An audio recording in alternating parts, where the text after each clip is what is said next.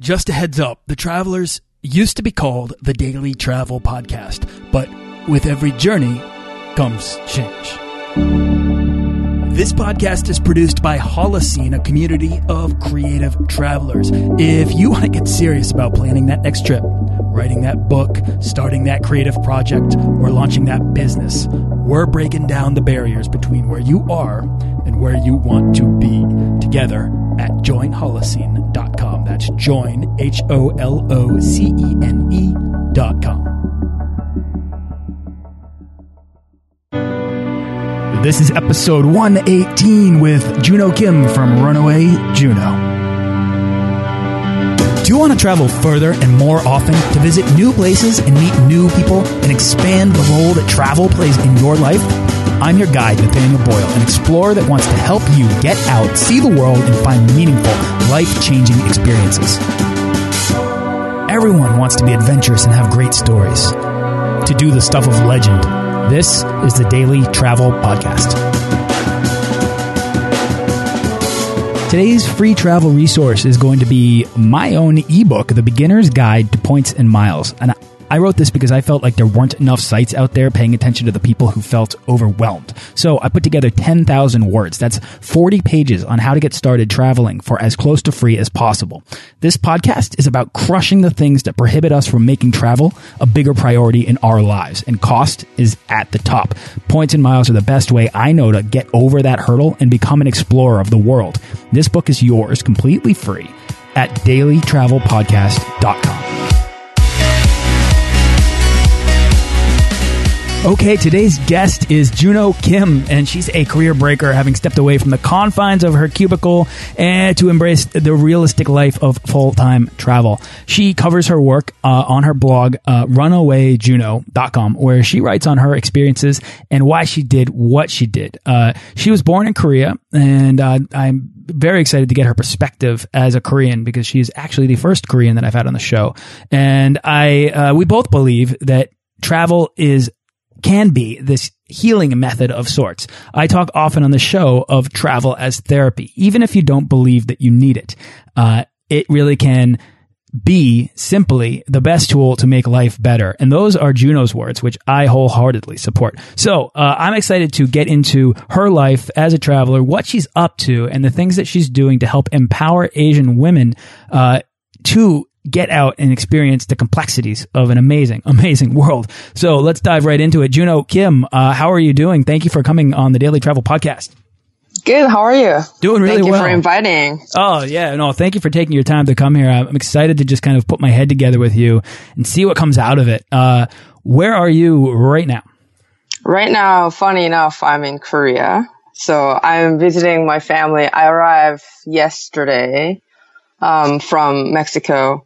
And we have a big holiday next Monday. It's uh, the 18th of August in lunar calendar. So it's one of the two biggest holidays in Korea. So I came to visit family and help my mom preparing the ceremonies, which involves a lot of cooking. so yeah, there will be a lot of food, a lot of people, a lot of talking. Note to self: Go to Korea right now. Or what did you say? August? Did you say August 18th? No, that already came in your mind. August 15th. August 15th is when it was. Of lunar calendar. oh, got it. Yeah. Ooh, that's So it's called, yeah, it's called Chuseok. right. So we celebrated how, like, um, harvesting and the fortunate product and, you know, around the country. So Right. that's what we do. that's, that's so cool. Now that's By eating a lot of them. Yeah, I love it. All right, now so South Korea is home to you, uh, but you are the first person to call into the show from that country, um, not just as a uh, you know as a uh, a person from there, but as anybody traveling through there. Um, Cool. so yeah, that's cool. It's exotic for this show, so I, I like to embrace that. Uh, I've had a whole lot of Asia, mostly Thailand and Vietnam. Not enough, not enough people calling in from Korea. So I'm excited to hear about that. I'm excited to hear about you and what you're up to. But you know, I shared a very, very little bit about you, but I want you to introduce yourself and tell us, you know, where you're from in Korea and how you got started traveling. So I'm from Seoul. I've been, I was born and raised in Seoul most of my life. I went to school here. Um, I, I worked here, but I started Runaway Juno when I was still working in my cubicle, if I have to say that. Um, so I set up to just share my stories of travels and photographies that I did in the past because I found it sort of hard to share the joy with the people I meet every day because I don't think people are so thrilled to hear about how much I enjoyed traveling or doing something weird. Juno, that's um, exactly so. But in the pre-interview, I encouraged you to share a story if you come if you come upon a story. And the reason I tell all of my guests ahead of time, please, if you think of a story, share it. It's because in day to day conversation, for whatever reason, and I think it's because maybe people get jealous or maybe it comes off as like showboating if you're mm -hmm. if, if you just kind of throw out a travel story if you if mid conversation you say oh yeah this one time when i was in mongolia i did this and people are like whoa when you were in mongolia come on we're we're having a normal conversation here and and exactly that's, that's, why i share that it's so funny that you say that so i'm sorry continue no, it's fine. Um, yes, exactly. That's what happened. So, you know, when we were doing this conversation, like, oh yeah, I went to Cambodia last year, and like, it's like, oh, she's bragging, or you know, they're not happy and so, but I needed a place to, I could just, you know, express all the stories and document all that. So I found out that, oh, maybe I'll just make a website. So I've known some bloggers before that. So I've been working for them before this, but then, um, I'll just make my own. So I started Runaway Juno and about an year and a half later, I decided to quit my job as an engineer and the one of the main reasons I did was that I've sort of learned that people are making money from the blog, which was very new to me. So I thought, oh, there's a lot of people are doing it, so why not, you know, try it? So 2011 July, I embarked my first very long-term travel. And that's the time I transitioned to just travel blogger, writer, freelance um, those names yeah, to yeah. yeah to embark a new life. And i sort of never stopped ever since. I mean i've been visiting families and now i'm visiting family also but i've never really stopped doing what i'm doing. It's really hard but i couldn't imagine being back in either cubicles or the same place that i lived before so it's been challenging, but I think I've been very fortunate to have this opportunity because I've been to places that people who meet, I meet in my hometown, they never thought of or never heard of even because um, a lot of Koreans are not really adventurous tourists. So i am thinking every day, like I'm quite fortunate. So I embrace the challenge and try to be better be best every day. Oh, I love that. I mean, to honestly, uh, I often encourage people to think about travel as a means to challenge yourself and to become not just to go out and to like find yourself, but to become the best version of yourself, to do the things that you believe that you perceive to be outside and beyond your limitations so that you can then begin to redefine what those limitations are and you can return home and know that you can no longer be the person that you were before you left. And mm -hmm, exactly. Right. Exa I mean, so you have that one experience, you realize that you come home and everyone else has, a, has the original definition of who you are. And so then you want so badly to get back out and travel again so that you can go off and you can explore how much further you can push yourself, how much more you can grow as a person.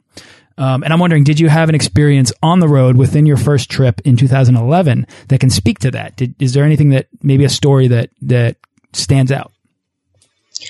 Um, it was more like realization that how the world is bigger than I thought because Korea is a very small country. If you drive five hours, you can reach anywhere in the country. Um, and the longest flight you could ever have is like 50 minutes, like less than an hour. So we're a very small country and we don't, we are not connected to the road as you know, only, only road that goes are North Korea which we're not allowed to go. So you can't really drive. And I went to, yeah, I went to the States for the first time and we did this road trip to around the New England. And I found out this is just, this is just like one country and this is just so massive. We could drive hours and hours and hours and you don't reach the destination. You stay overnight, you drive hours and hours and hours. So that was the very first realization that, wow, the world is really big and there's so many places I can go. And even with that three months of travel, I cover very small part of the states. And that was just sort of blew my mind. All right, so Juno, I just want to step back and kind of try to get in your head a little bit when you were sitting in your cubicle at your job before July 2011, and you're thinking, um, you must be thinking, if not planning, I need to get out of here. I need to go and explore the world. Uh, and I'm wondering where that call to adventure came from. Did you get, were you able to travel uh, as a kid, or what was your first like travel experience that really kind of hooked you? So my very first overseas travel was when I was in college in uh, um, sophomore years. And I went to, after sophomore years, I took an year off from college because I was kind of tired of studying, funny enough. Um, and so I went to New Zealand for the first time yes. for one month backpacking. Yep. And when was this? I, I was 2004. Okay. And so I went there for a month and I didn't really speak any English. I didn't really know much about the country. And I've never ever backpacked before. I mean, I've traveled in Korea before, but it was different. We traveled with the cars and, you know, you don't really think about that. And then I went there for 12 hours of flight. I late, I landed in Auckland and that might have been one of the most terrifying moments in my life that I realized that there's nobody could help me here. Oh, if I lost my wallet, I will be screwed. And, you know, if I die here, no one would know because it's the time before smartphone and every computers and stuff. Right. So how was your English at the time? It was, I was very bad. It was just, you know, I could say things like, how are you? I'm fine. Thank you. Kind of wow. book English. And so it was very challenging. But I met some good people, so I was very fortunate. And after that trip, I realized, and people sort of told me that I sort of changed after that trip. And I felt like I became a little bit more grown up from that because the, you know, the realization of that, oh, you are really on your own in this world and you need to be in charge of whatever you do and you need to take care of your wallet. You need to take care of your bag, your health and all of this in a foreign land so I think that sort of made me realize that, huh, this is interesting. When you were in Auckland, did you stay at a hostel? Yes, it was a hostel and it was very first time staying in hostel also. And yeah, it was interesting um, experience. I went to the room and it was, there was like a six bed in the room and there was a German guy and a couple of other people and I was staying in a dorm in my college, but it was all female dorm. I don't think any Korean dorm would have mixed. Um, yeah. So, yeah, yeah. yeah. so it was like, whoa, interesting. And then, but I lived with my brother for a long time. So yeah, it was not too surprising. Right. it was a very interesting. And then I think that after that trip, I sort of realized that I need to travel more. This, I really like this. So I need to do more. So I did a couple more times as much as I could, like uh, summer holiday in the college, and even when I was working, I took a couple days off and have a four day weekend, and I go to co- small like countries like Cambodia, like you know, not too far. So I did travel, but I've never did like a long term travel other than the one month travels in college. It sounds as if it was the people you met in, in, New Zealand that helped you overcome that challenge. It helped you kind of get past the fear of yeah, where exactly. you were, right? Yeah, Who did you meet exactly. and where did you guys go? It was a third day in and I went to Auckland Observatory because that's what I do. I go to observatories in these countries. I love that. That's cool. yeah. And, uh, so I went there and I was busy doing, taking pictures and participating in the talks and stuff. And then I realized it was nine o'clock and I sort of started freaking out that because I knew that well, in Seoul, nev- nothing really closes overnight. You can't find anything in 24 hour in convenience stores, but I knew that New Zealand is not one of those countries. And I realized it was nine o'clock and I sort of panicked that what if the bus stopped running? What if there's nobody?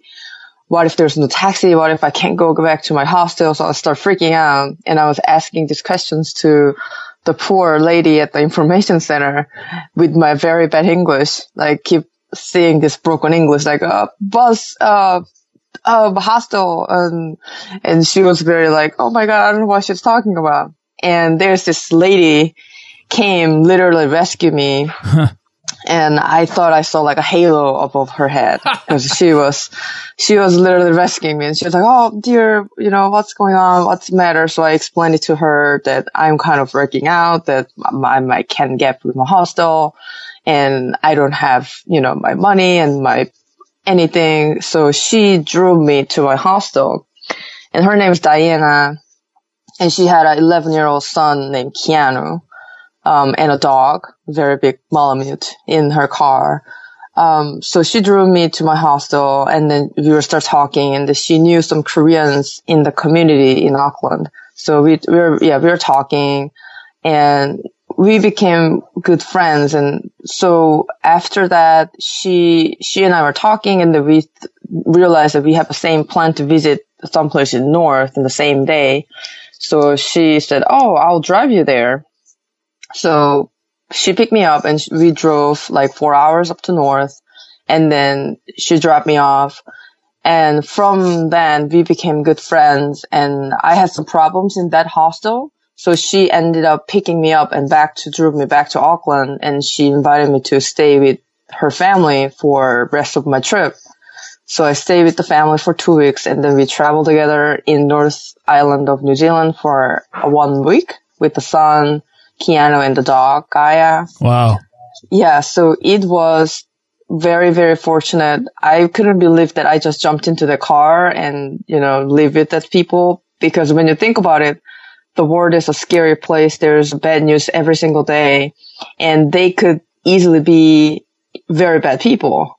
But I never thought of that. And I just, you know, say yes to everything and ended up, we became like lifelong friends. We still talk after 10 years and she visited me in Korea. I visited her again in 2006.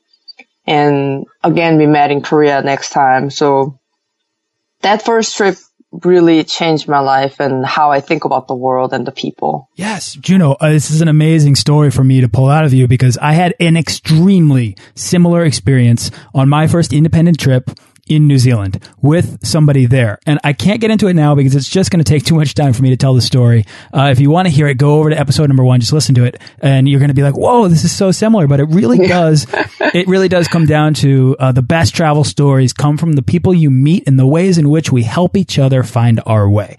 Uh, mm -hmm. I, I honestly believe that they're fascinating to me. And and because they change you they so they're so such simple interactions but they change you as a person because of the way that you view the world. Now all of a sudden you probably want to pay it forward right to anybody else that is coming to visit korea. I, am guessing you're like me and you're probably like i should go and reach out to some backpackers and see if they want to yeah. i feel that all the time. Uh, exactly. you became an explorer on that trip it, within that interaction with that person. You suddenly mm -hmm. realized because you're on the road your mindset is not the same. Your sort of willingness to explore, your willingness to embrace new, strange, foreign adventures is much more there and curiosity pulls you towards these experiences uh, whereas back home you know if you hear something in the air you don't follow it you just go home.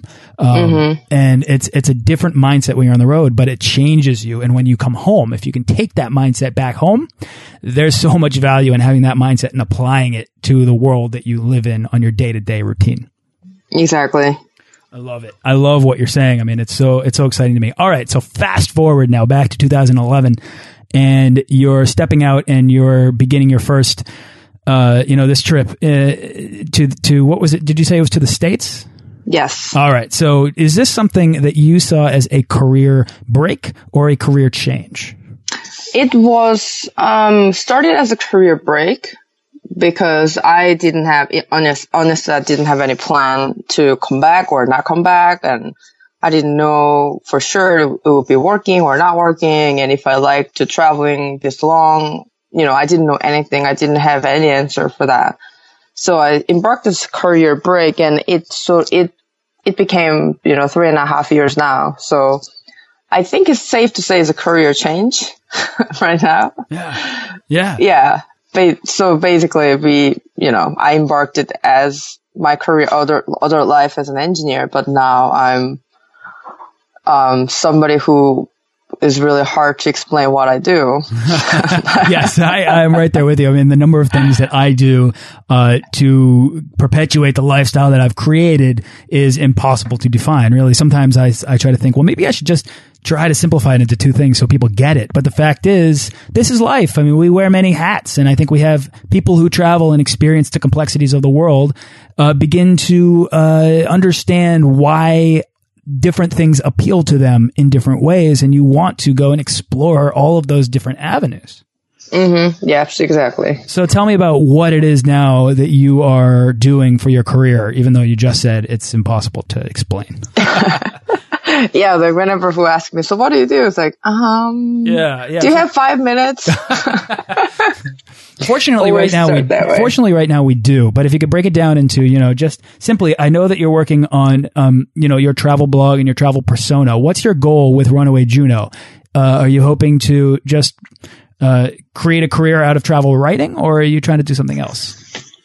So I enjoy to reporting about travel, but I mostly enjoy talking about travel, especially in very personal ways, because I think I have a very unique perspective than other travel writers in the market right now, because I'm from different country, different culture, and I have a very different background. So a lot of times it appeals to a lot of people, say to Westerners that I make sort of make them realize, oh, I didn't know that you could think that way about this thing. Oh, interesting. And then yeah, for Asians, like, oh, I didn't know I could do that as an Asian. So my personal stories has been great adventure for me to share and see all the reactions from people.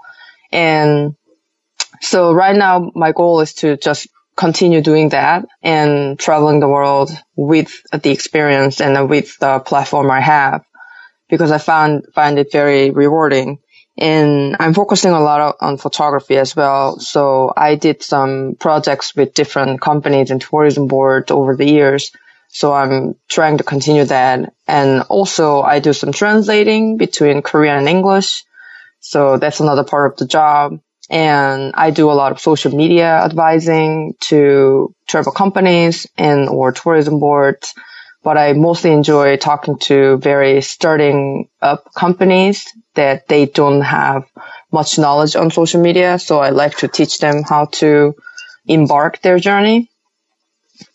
And um, that everything led me into organizing a conference called Asian Women's Empowerment we call it AWE, and now it's a second year. Which is awe, we, by the way, and I love that. Yes, it's awesome. um, yeah, so that I started last year in Kuala Lumpur, Malaysia, first time, and oh, it was better than I thought.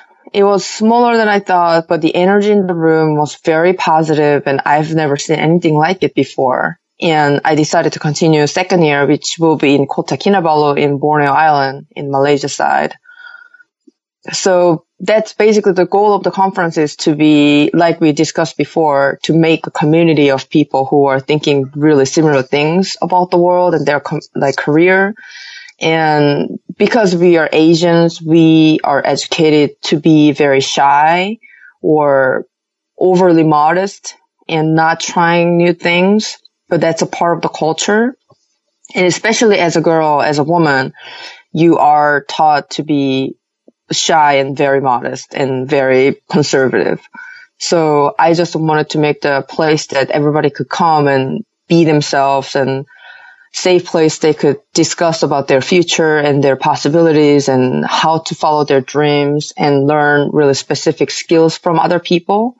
So that sort of, that has been my newest adventure, which is very challenging, but I'm sure it will be rewarding after the second conference as well. Yeah. Oh, I love that. I mean, planning a conference in a foreign country must be tough, but clearly you are motivated by this uh, ability to attempt to nudge your own people, to nudge your own society towards becoming a more well-traveled society. Uh, Juno, I, I'm fascinated by this idea. And I mean, I feel like I could talk for, to you for another like two hours just about, just about this yeah. idea that people in, you know, Korea would be taught not to try new things.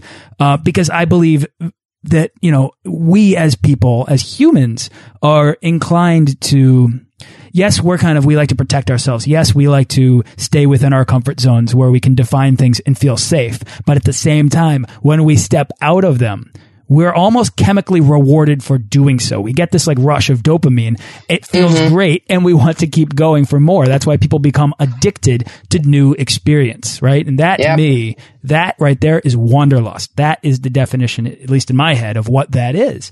So I think it's really fascinating for you to say, I mean, that to me is a fight worth fighting for your people to try to, to try to change that mentality. Mm -hmm. Do you find, yeah, I'm trying. Yeah. Do you find that, um, you're getting results by pulling by pulling people out of their comfort zones and bringing them to a foreign country where they can experience these things? Yeah, um, one example from last year that she's a sister of my really good friend from high school, and she came to Malaysia alone, and she's um, she's in her mid thirties, and she never traveled anywhere alone before, and I invited her to dinner with my friends in Korea and some other friends from conference. And after that, she said, I've never had a meal with a local person in a foreign country before. Wow. But she's traveled to other countries with, she lived in the States with her family and she been to England and so she's been to other countries, but she never had this hands-on experience that we do every day. But we don't realize that this is a special thing. But for her, the simple dinner was very, very special. And so after the conference, I sort of hearing the story about that how she's changed, that she's starting to learning new things and she's starting to figuring it out what she want to do in her life. And she's traveled to Paris alone and she's traveled to Japan alone and she's to come to this conference as well. So the seeing that change and hearing that story from my friend was very rewarding, even if that's one person. And I'm sure there's more out there, but there was, you know, I couldn't really explain the joy that of hearing that. So that's why I'm doing it, I guess. Absolutely. I know the people that reach out to me on this show, that listen to this show, and anybody that's listening, if you've reached out to me, I'm talking about you. Uh, that say thank you for putting putting on this show. I just booked my first ticket. I'm trying to find ways to get out. I really want to do the things that your guests are doing uh, to me, there's no better metric than hearing that from people because it makes you aware of the fact that what you're doing is enacting change upon your culture that, and it's the change that you want to see, right? I mean, yeah, yeah, it's really great, isn't it? it's really, it's, it really feels really great. And I'm really curious. Yeah. I want to, um, pick your brain, maybe offline, but just about, uh, how you go about planning an event like that in a country that's, in, uh, you know, a sea away from you? Um, well, it's, it is definitely challenging because first of all, I'm not a local person. Right. So the companies tend to not really want to work with the non-local and especially in Asia, in some conservative part of the country. But unfortunately, I have some local friends are helping me out that they've never experienced any conference like this before. And they had a similar frustration about their culture and their life. So they just jumped in and just helping out without asking a lot of reward from this job. So I have some good friends back in Kota Kinabalu where the second conference is going to be. So they are taking care of some things for me and we contacted a lot of local companies, like small and big companies and tourism boards that to jump on this wagon of changing the people's life. But it wasn't always easy and we've been having very hard time to get sponsors and even participants because I think sometimes I think people are not ready for this amount of challenge in their life. So they're maybe not be there yet. So even convincing them to come to the conference has been very challenging because I think a lot of people think the money to buy the ticket is a expense more than investments. So we've been trying to change the mindset um, for months now. So we'll see how we are doing. But it's been quite challenging, but I've been fortunate with having good community of people wherever I go. What's your uh, what's your goal with this and with your work going forward? What would be uh, what would you like to see happen in the next uh, you know few years? Um, I would like to have um safe place I could settle down. That not that I will settle down and not move around, but I want to have some place that I could go after my trip and just be myself and work and be quiet. And so also I don't have to pack everything with me anymore because I'm a very bad packer. So I pack very heavily, which is not a great skill as a long-term traveler. So that's one of the reasons I want to have a home so I could go back. I don't have to pack everything from spring to winter stuff. Um, so I want that to happen and I want to find a really inspiring place to live. And I want to continue working on media as a photographer, as a social media person, and as a writer, um, be in the travel community and making new careers out of them because I see the market is changing very fast because it's a traveling. So traveling market changing really fast and also combined with the new media, everything changes by month. It's really different every month.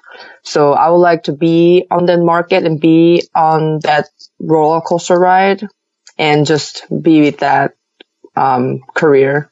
So that's my hope, and I hope I could keep traveling for next few years as well. Yeah, oh, I love that. Uh, how much more fulfilled by what you're up to now are you than when you were uh, sitting at a cubicle as an engineer before? I was not even comparable. It's um, before I leave. The main reason I wanted to leave without many plans because I was very, very unhappy. That must be the unhappiest myself in my entire life. And I was grumpy. I didn't talk to anybody. I was gaining weight from all the stress. I was losing hair. Um, and I became this grumpy, like old lady. I could see myself. If I do this for many years, I'll be old grumpy lady with the bald hair without any friends. You know, that I decided I can't do this anymore. So, um, if I compare that to now, like the challenge I have now is a joy compared to what the pain I had before in the cubicle. I love that. There's work, I think, that relieves you. When you're done, you take a sigh of relief. And then there's work that when you are doing it, recharges you. Uh, to me, this is work that recharges me. When I get off the phone with you, Juno, I am going to be on cloud nine for like the next hour. I love these conversations. I really do. And so, uh, you know, finding the thing that perpetuates you and is almost a self perpetuating, uh, mm -hmm. machine work, passion project. I mean, you, you wear so many hats and you're doing your own thing and you've found a purpose in the work that you do. And all of that aside, you get to actually take the one opportunity you have to go out and explore the world, to experience everything that it has to offer that you can fit into the time of a lifetime. And exactly. Do it. And I love it. I love those stories. Exactly. So, yeah. Unfortunately, we are running out of time, but I want to just ask you, you know, is there anything else that, you know, you want to share about what we've been talking about before we begin to wrap up? Um, I just wanted to share, um, I wanted to tell the people that if you are unhappy or if you think that you want to change, I really think, I really think that you should try to change something because people tend to be blaming other things on their unhappiness. I met so many people. I meet them every single day. And when I was working, I work with them. So they just blame any other things but themselves. Like, oh, I'm unhappy because of my boss, because of my family, because of my finance, because of my work. But none of them really matters that you can change anything. And I think people sort of overlook that fact because they're scared of trying new things. But I really want you to think hard and make a priority. And if you want to change, try to make it change. And it. you will see the reward after that. Oh yeah, you will feel it. I mean, it will become a part of you. Um, yeah. And it's not unobtainable. It's not unrealistic. For so many people, the challenge is so enormous. Uh, there are ways to overcome that, and there are ways to create lives of travel for yourselves Um, that's they it's, are. It's yeah. such a good story, and you know this is a universal thing. People all around the world want to travel. They want to see the world, and this is your opportunity Yeah. to do so. So, oh, I'm all I'm all wired up now. Juno, where's your next trip, and what's your uh, next project? What's exciting you right now? Um, I'm going to Hong Kong for a layover after the holiday is over, and then going back to Kota Kinabalu to finalize and wrap up all the conference. Because the conference will be open in 31st of October, and we'll be broadcasting hashtag AWAsia14 if you want to keep on track. Nice. And yeah, so I'm to do that. And then I'm going to Ireland on end of September to participating in one of the storytelling project with the Adventure Travel Association. So that excites me. Oh, I love that. I want to. I want to hear all about that. I want to see what you're up to there. That would excite me big time. Um, Juno, Kim, where can people go to find out more about you? Come to runawayjuno.com and any social media you could type runaway Juno and I'm there. Twitter, Facebook, Instagram. I'm very easy to find. I'm online all the time. I'm very connected and email me at juno at runawayjuno.com. Anything, please find me and come talk to me and let's share the love of the world. Oh, I love it. All right, Juno, thank you so much for taking your time to come on the show, share your really unique story, and uh, you know, give us a give us a perspective from somebody that's Korean, but it's shared universally. It, it really, it really is. Thank you so much for having me. Thanks for listening to this episode of the Daily Travel Podcast. For show notes and links to everything in this episode and more, head on over to dailytravelpodcast.com. Join our Facebook page of explorers and subscribe to our newsletter for the best deals and resources to help make your next trip life changing.